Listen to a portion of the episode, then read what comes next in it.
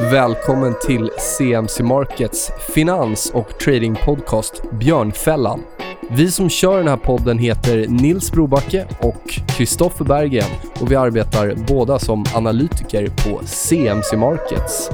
CMC Markets är nätmäklaren som riktar sig mot dig som är intresserad av aktiv handel. Vi erbjuder handel i CFDer på aktier, index, råvaror, räntepapper och valuta i fler än 10 000 produkter världen över. All handel sker via vår kostnadsfria och prisbelönta handelsplattform. Vi finns nu i 17 länder och är börsnoterade på London Stock Exchange.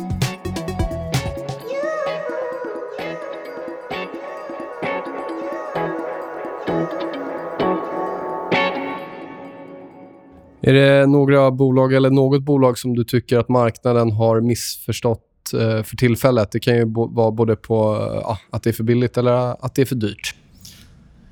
Eh, ja, de 28 bolag jag har i fonden har ju marknaden missförstått. för de borde ju alla stå... Absolut. Borde, Är det något, eh, något du vill eh, lyfta fram lite extra där?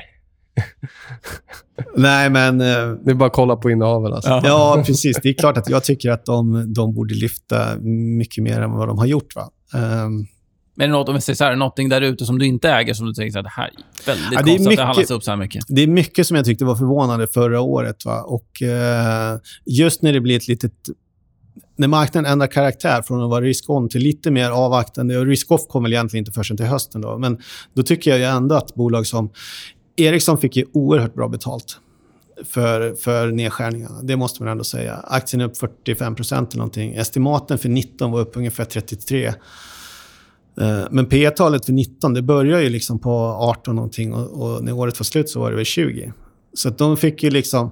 De gick upp mer än estimaten, fick en multipel expansion under förra året. Jag tycker att man fick väldigt, väldigt bra betalt för något som inte har hänt. Det är väl storyn där med 5G som ska, ska flyga ordentligt. Ja, man måste ju ändå ge Ericsson att Börje har gjort ett bra jobb med nedskärningarna. Han har tagit i rejält. Eh, sen så var det ganska mycket stolpe in då på, på mycket 5G, Huawei-problem, ZTE-problem.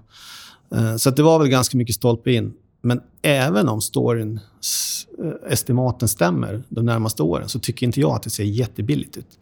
Eh, och därför har vi inte aktien heller. Vi får ju se om det är rätt eller fel. Då. Men det var en sån story. Och jag tycker att den gick väldigt, väldigt mycket. 45% ungefär förra året. Och eh, när aktier går så mycket, då, då behöver de inte ha en så stor vikt. Ericsson är ett stort bolag.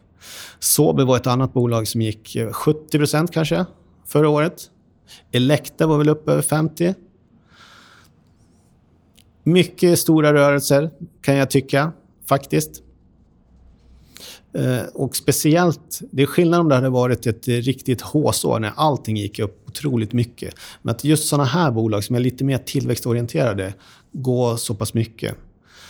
Eh, det förvånar mig. Men överlag så måste jag säga att det, det, det som har förvånat, det är de enorma rörelser vi har sett. Som sagt, om någonting går bra så har det ju gått väldigt bra.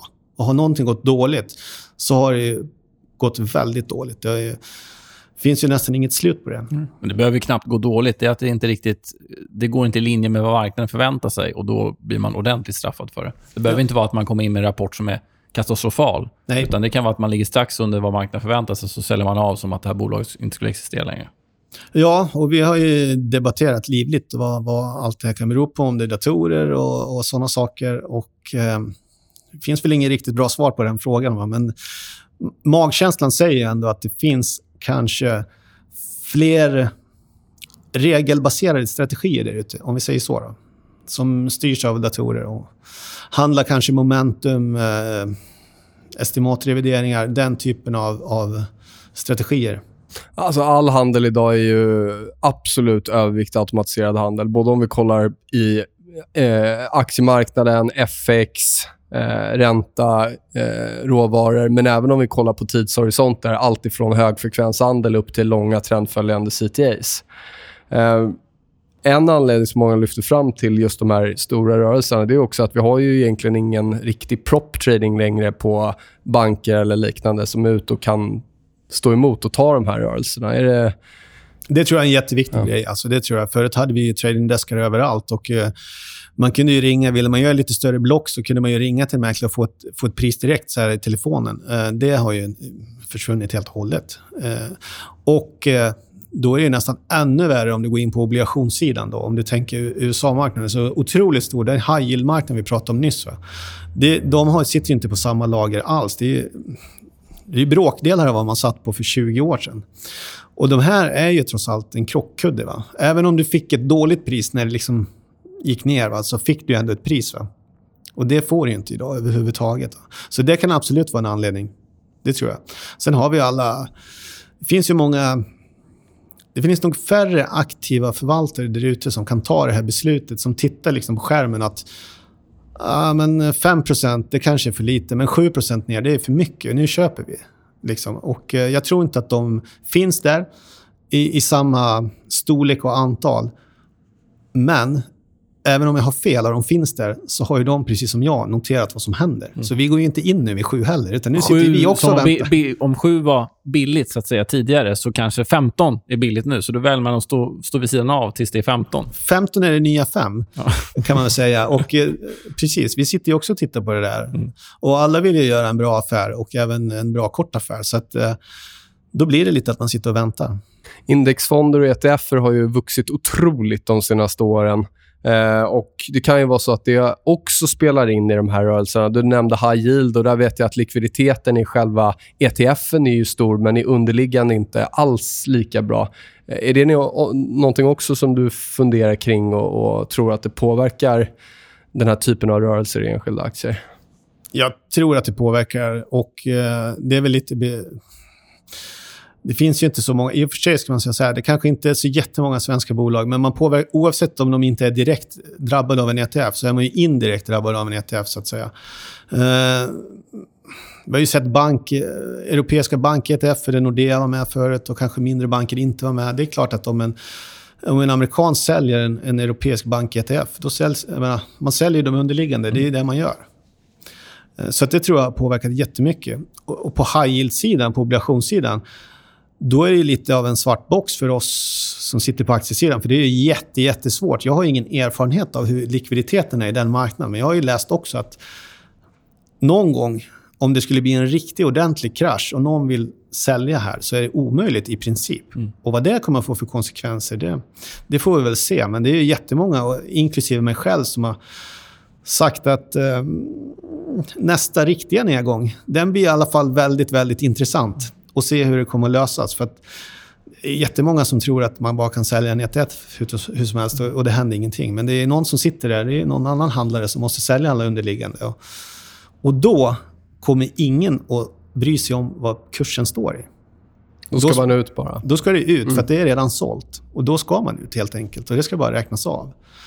Uh, som vi var inne på tidigare, när vi pratade om proppdeskarna. De fanns ju i finanskrisen. Det var efter finanskrisen som de liksom reglerades bort. Mm.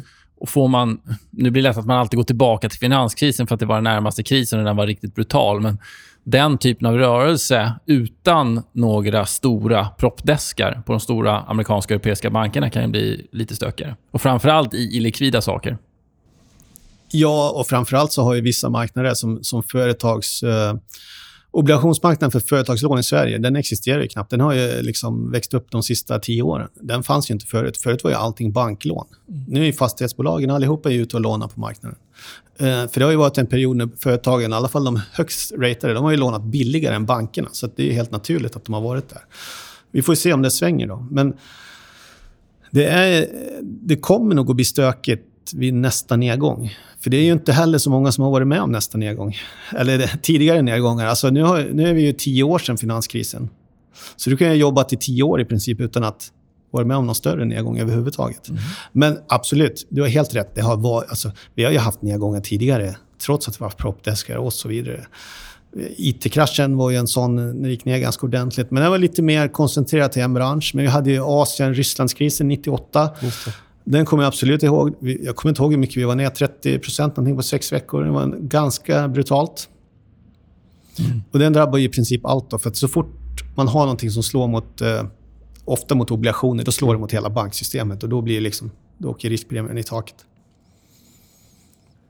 Du har ju aktier framför allt såklart, men du är också inne och petar lite på optioner som jag har förstått det. Hur, Mm, hur, ser du grann. På, ja, hur ser du på optioner och hur använder du det i själva förvaltningen? Jag, jag brukar ju egentligen använda det eh, som ett komplement helt enkelt eh, till, eh, till att köpa aktien då eller, eller sälja. Och det, det är, I huvudsak så gör jag ju så att jag gör covered calls på kanske en övervikt. Så att om jag sitter med ett innehav, man tycker att det har gått bra, man är lite osäker. Ska jag sälja av det nu eller hur ska jag göra? Då kan man göra en, ställa ut en köpoption på det. Eh, så man gör en covered call. Eh, och det, det är ett sätt egentligen att ta vinst på något som har gått ganska bra, som du är överviktad, utan att sälja aktien. Och det är ju samma sak med undervikter då. Då kan jag ju tycka att ja, jag, är inte riktigt, jag är inte riktigt färdig att köpa aktien just nu, men om den skulle vara 5 kronor ner så kan jag köpa den och då kan jag ställa ut en sälj. Men det här är ju bara ett, ett komplement till mina över och undervikter, så att säga. Ehm, Så det är inte så att jag använder optioner för att spekulera på något Nej, sätt. Det är Utan, ett sätt att hantera positioner mer och sen så får du lite premie. om du- Exakt. ja. och jag ska säga så här, vi har ju egentligen handlat väldigt, väldigt lite med optioner. Det är egentligen det sista halvåret, när, när vålden har tagit fart. Och i, eh, större delen kom egentligen de sista fyra månaderna. För under Q4, då fick man ju väldigt, väldigt bra betalt för att ställa ut putter. Det fick man faktiskt. Och sen så fort det studsar så blir de nästan värdelösa. Så att det är lite så man får utnyttja de här äh, stora kasten. Om vi går över på lite riskhantering och eh, tankar kring eh, risk-reward. Hur går... Eh, hur är filosofin där? Har du liksom förprogrammerade stopplossnivåer där du väljer att, komma ur? Eller när du går in i, ett företag, vill du ha liksom, ja, fem gånger upp kontra en gång ner? Eller hur tänker du där? Ja, fem gånger upp, det vill jag alltid ha. Och en gång ner. Men det, det är svårt att hitta de där Så är det. fem gånger upp. Ja. Men eh, jag kan väl inte påstå att jag har... Eh, man, man har ju inte liksom speciella nivåer. Men däremot så när jag, om man tar ett riktigt fundamentalt case, då har jag räknat fram någon form av värde som det ser ut idag. Vad jag tycker är rimligt. Och Det är därför vi, när vi pratade om Dometic tidigare, den nådde ju ett sånt värde. Att nu är det liksom klart. Nu finns det ingenting mer att göra här, så då säljer jag ju. Så att jag har ju någon form av fundamentalt värde på den typen av placeringar. På nedsidan så kan man ju... I ett fundamentalt case så är det inte riktigt som en stopp-loss-nivå, utan det är ju mer att om någonting förändras fundamentalt i det här som gör att det ser helt annorlunda ut. Det kan ju vara antingen i bolaget eller i omständigheterna omkring bolaget. Då kan man ju välja att kliva av helt enkelt. För där måste man ändå vara... Man måste försöka vara disciplinerad och sen så får man vara ganska tuff mot sig själv så att man inte bara halkar... Man måste förstå varför man kliver av och varför man har fått en vinst. Jag menar, ibland kan man ju bara ha tur, så att aktien bara drar iväg av någon, vilken anledning som helst. Och då, då kan man ju ta en vinst, men man bör ju komma ihåg varför. Att det bara var flyt helt enkelt och, och, och ingenting annat. Va? Men det svåra blir det på nedsidan i ett fundamentalt starkt case. Det blir bara billigare och billigare och attraktivare. Men Mm. någonstans, som du säger, så kanske storyn har ändrats. Då. Och då är frågan var den linjen är. Jag har, eh, jag har ingen sån här hård regel, men jag brukar inte addera till förlustpositioner om de liksom har fallit för mycket. Om man ska liksom arbeta upp en position på 4-5% i ett bolag som är alltså en ren fundamental placering, då blir det så att man köper några stycken först. Va? Sen så får man ju följa med och titta hur det ser ut. Och, uh, så man lär känna alla inblandade och se hur det, hur det förhåller sig. Sen så adderar man ju hela tiden. då. Och det är klart att, jag menar, det är, alla aktier går inte upp det första man gör. Det är ju ett drömscenario att allting går från det första köpet, sen går det bara uppåt. De kan ju falla lite grann och det är ju inget problem. Då kan man ju addera till det. Så länge ingenting har förändrats. Men säg att du köper eh, lite grann aktier och sen så kommer du upp i en 2-3 position. Då, och sen så faller den kanske 10-15 procent och du, det här känns inte riktigt bra. Då, då adderar jag inte till en sån position. Det gör jag inte. Förrän att någonting... Liksom, du måste få lite betalt för ditt risktagande så att du inte bara adderar helt plötsligt. Och sen så sitter du där med 5 och, eller ännu mer och eh, inte riktigt vet varför. Men du säljer inte av innehavet då, utan du väljer mer att ta ett kliv tillbaka, utvärdera och sen så får du se hur du gör med positionen. Tänker om det går ner istället för att addera, så låter du den ligga kvar och utvärdera snarare än att Har inget hänt, har Ja. inget hänt så låter den ligga kvar. Eh, men alltså man börjar alltid... Det finns ingenting som är så... Det är samma sak på uppsidan som på nedsidan. Alltså, en prisrörelse, det är ju... Den, bästa boosten till självförtroendet eller tvärtom. Och det är tvärtom när det går ner. Va? Då blir man ju väldigt skeptisk till sig själv. Vad har jag tänkt här? Och varför kan ingen annan se det här?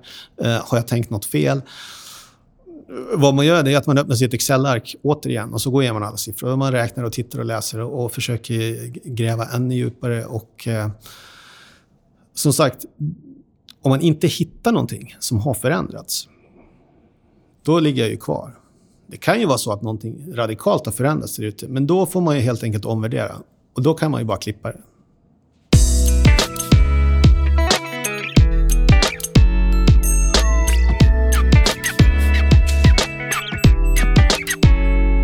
Du är ju en utpräglad stockpicker får man ju ändå säga. Men du nämnde ju här att du tar hänsyn till olika makroindikatorer. Vi var inne på räntan, vi var inne på ja, kolla lite energipriser och sådär. Om vi blickar över på valuta. Eh, hur mycket vikt lägger du vid det och har du någon syn i år på Ja, då blir det ju framförallt dollarn mot eh, andra valutor. Då. Är du dollarbull eller dollarbear? eh, jag tror att Eh, jag är nog lite dollar bear faktiskt. Och eh, det är väl snarast att jag är kanske lite eurobull. Just för att deltat här mellan ECB och Fed, det är ändå att ECB borde eh, höja eller strama åt, vad man ska säga, mer än Fed. För Fed kommer ändå ta en paus här. Eh, så att i, i det spelet så tror jag att euron kommer att gå starkare än dollarn. Vad tror du om svenska kronan? Svenska kronan ska alltid stärkas. Det har jag hört sedan jag började jobba. Och euron borde stå i 8,20 eller vad alla ekonomer har sagt sedan dess. Vi har aldrig varit i närheten av, av en rimlig nivå. Eh, svenska kronan är ju eh, lika cyklisk som Sandvik, höll jag på att säga. Det har den alltid varit och den kommer ju nästan alltid att vara det. Vi är ett litet land med en cyklisk börs helt enkelt också. Så att i, i lågkonjunktur då är ju kronan svag. Och det, men det här har ju spelat till Sveriges fördel eh, genom år årtionden. Du var inne på det lite där tidigare med, eh, nu hoppar vi tvära kast här, men tillbaka till den psykologiska biten. Det här med att man, om det går lite dåligt så öppnar man Excel-arket och grottar sig vidare och vidare. Risken för att bara, alltså det här confirmation bias, att man bara söker information då som bekräftar ens tro att man ska äga det här bolaget. Hur, hur gör du för att försöka undvika det? För det är väldigt lätt att hamna där. Ja, det är jättelätt att hamna där. Och av alla analyser man får in så vet man att jag tänker inte läsa den här, för han är bäst. Ja, han har sälj. Ja, nej, men, eh, det är jättelätt att hamna i den fällan. Men eh, jag brukar ju... På alla större innehav jag har, som, som är rena fundamentala positioner, då har jag alltid räknat igenom det själv. Så att jag förlitar mig inte bara på utsid, analys som kommer utifrån. Utan jag har ju räknat igenom ett Excel-ark, även om det kanske är lite enklare än vad, vad någon som följer bolaget på heltid gör.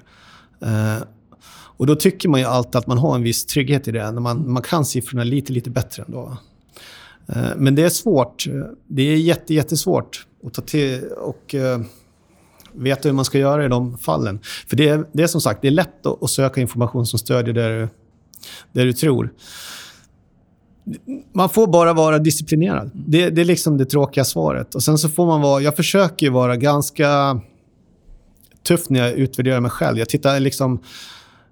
Varenda månad, tror jag, sen jag började med det här jobbet så har jag jämfört hur har portföljen gått den här månaden? Hur hade den gått om jag inte har gjort en enda affär under den här månaden? Så jag hela tiden jämför. Så har de affärer jag gjort, har det varit bra? Har det varit dåligt? Sen jämför jag också på årsbasis. Har det jag gjort under hela året varit bra? Eller skulle jag ha åkt på semester under hela året och bara kommit tillbaka och stämt av portföljen? Uh, och så får man liksom gå tillbaka för sig själv och tänka vad har jag gjort och varför och hur och så vidare. Så att om man räknar... Jag, eller jag känner i alla fall en större säkerhet när jag, har, när jag räknar igenom det själv. Och Det är förmodligen en falsk säkerhet. Men mycket handlar ju liksom om att, att man har ett självförtroende och kan hänga kvar i en position som går lite emot en. För det kommer alltid... Jag menar, de flesta positioner de går ju emot dig. Annars har du ju tur om allting går upp hela tiden. Så att de flesta kommer att gå emot dig vid, vid ett eller annat tillfälle. Eh, det svåra är ju då att hänga kvar. Och då är egentligen... Då tycker jag att det är viktigare att du har sizat rätt så att du inte eh, mår för dåligt när det går emot dig. Så hellre lite för lite än lite för mycket, tolkar jag det som. Ja, om du inte kan sova, då, har då är den för stor. Så mycket kan vi säga. Uh, du kan ju må lite dåligt, för det gör man ju alltid. Men om du inte kan sova på nätterna, då, får du fundera på att sajsa ner. Du, sa, du nämner disciplinen där. Några som ofta inte är så disciplinerade, det är investerare. Oavsett om vi kollar på retail eller institutionella förvaltare. Tyvärr tenderar man att köpa vid all time highs och sälja vid, vid, i drawdowns. Eh, hur ser du på det själv? Det kan ju vara så att det även kan spela ut eh, när man sitter och förvaltar. Märker du att du agerar olika i drawdown och all time high? Eller är det den där disciplinen du pratar om som blir nyckeln där? Eh, eh jag tror, eh, eh, jag hoppas att jag agerar ungefär likadant. Då. Men just, just när man har det här värdebaserade sättet, då blir man ju ofta... Eh, man kanske blir lite tidig på bollen i flera lägen. Va? Även vid en hås så blir man lite för tidig med att sälja. Och är det en bäs så blir man lite tidig för att köpa just för att man ser att nu har det gått ner så mycket och nu tycker jag att det finns ett värde här. Sen kan ju börsen gå ner lite till. Då. Eh, det får man ju försöka lägga band på sig. Och där, där kommer ju sådana tekniska grejer in. Speciellt om man är på toppen eller i en håsmarknad. Då finns det inte så mycket att gå på rent makromässigt emellan kvartalen. Liksom. Vad är det som säger att det här är toppen?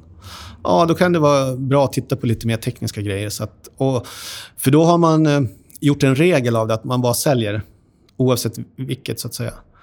Eh, men när det går när det går ner så är det väl... Det, jag tycker nog ändå att eh, de placerarna vi har haft i fonden har varit förvånansvärt eh, tålmodiga vid eh, stora nedgångar. Jag har ju varit med länge, så att, jag, menar, jag tycker inte att vi har sett de här jättestora utflödena när det går ner. Utan många har ju varit med, som sagt, väldigt, väldigt länge. Men det är ju alltid utflöden när det går ner. Så är det ju. Eh, och som förvaltare så får man ju lov att förhålla sig till det på något sätt. För att eh, man kan ju nästan alltid vara säker på att om man har lite kassa, lite ovanligt mycket, om man ändå haft rätt och börsen går ner och tänker man nu ska jag gå in igen, då kommer ett uttag just den dagen. så att eh, man liksom måste sälja av eller någonting för att frigöra kontanter. Det, så, så kan det vara.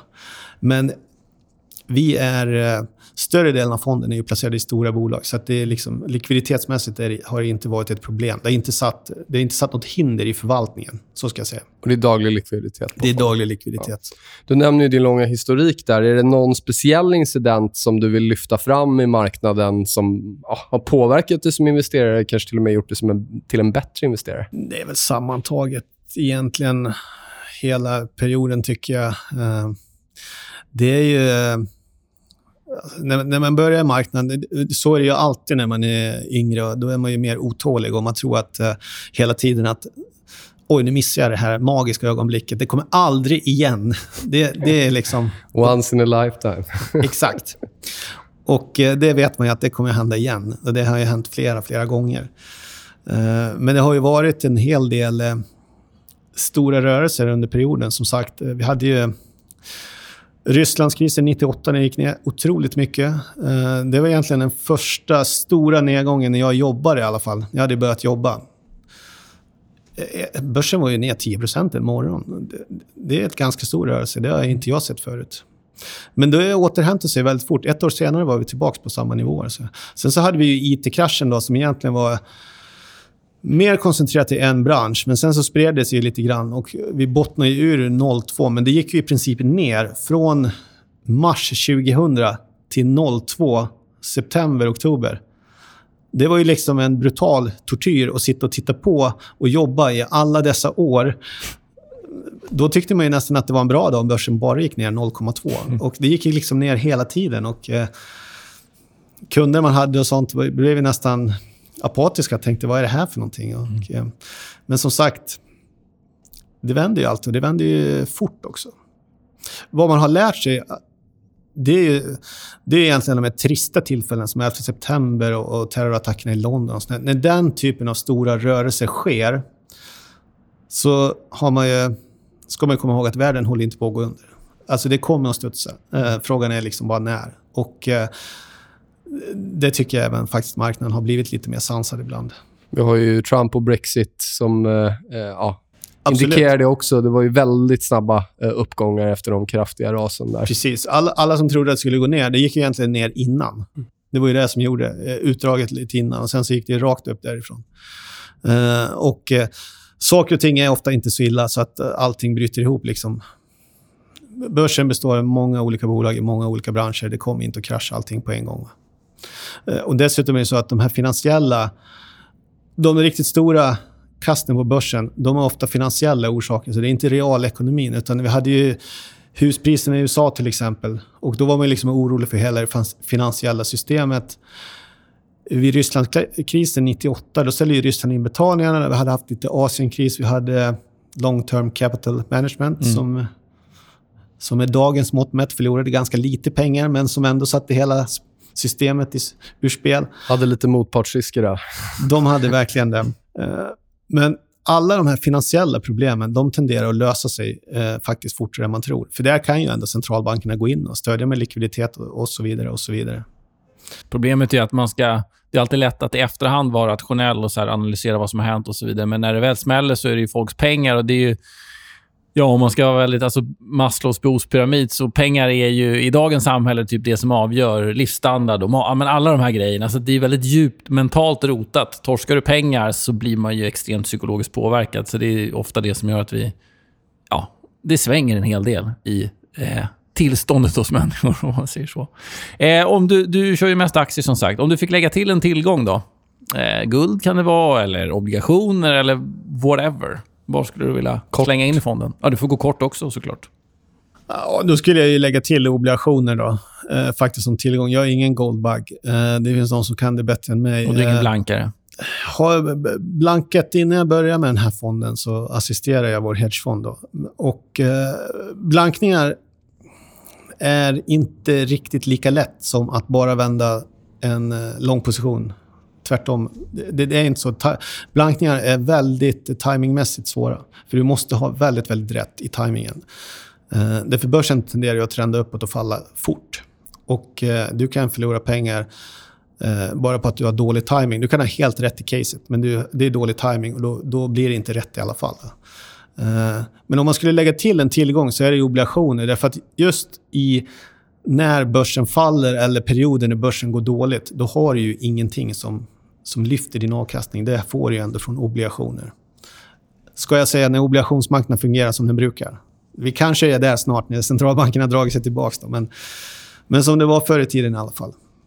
Om vi, vi har ju redan pratat lite om eh, framtidsutsikterna och sådär, men om vi ska sammanfatta det. Vad är din syn på 2019 och är det någon specifik potential kontra risk du vill lyfta fram? Det är svårt att säga, liksom, vad, om man säger börsmässigt, så här, hur ska börsen gå i år? För jag tycker att vi, vi kommer att stå... Vad jag tror det är att vi kommer att pendla upp och ner hela tiden. Och så Då beror det lite på var i cykeln vi är just den 31 december. Vi kan liksom vara plus 10% men vi kan också vara minus 10% jag tror ju att vi är på väg mot en avmattning. Frågan är hur djup den blir. Jag tror... Eh, jag skulle gissa att eh, man ska vara lite defensiv i år, faktiskt. Eh, som jag sa tidigare, jag tror att verkstad kommer att pendla upp och ner. och eh, Där kan man tjäna pengar om man är lite kortsiktig.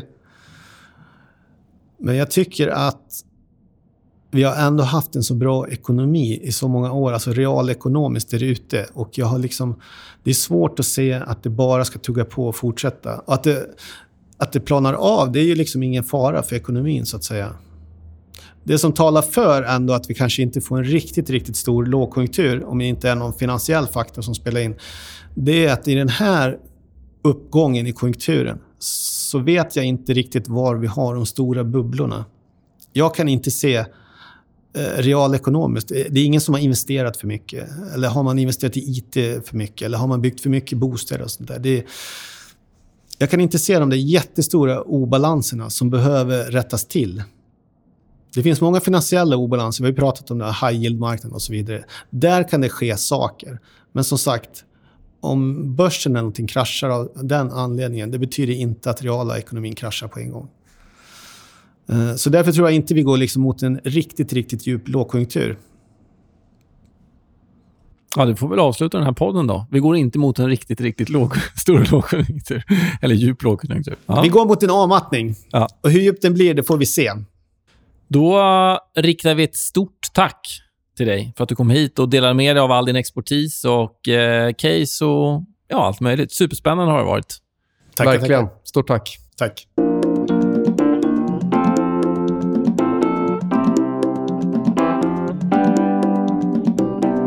Och där var del två slut på intervjun med Lars-Erik Lundgren från Aktieansvar som förvaltar Sverige och Europafonden. Eh, mycket intressant. Eh, har du några tankar där, Kristoffer? Nej, det har jag faktiskt inte. Utan vill ni läsa mer om den så är det bara att gå in på Aktieansvars hemsida eller så kan man kika då på diverse fondhandelsplattformar där den finns. I annat fall så önskar jag lycka till med handeln och investeringarna. Det gör jag med. Ha det gott. Hej. Hej då!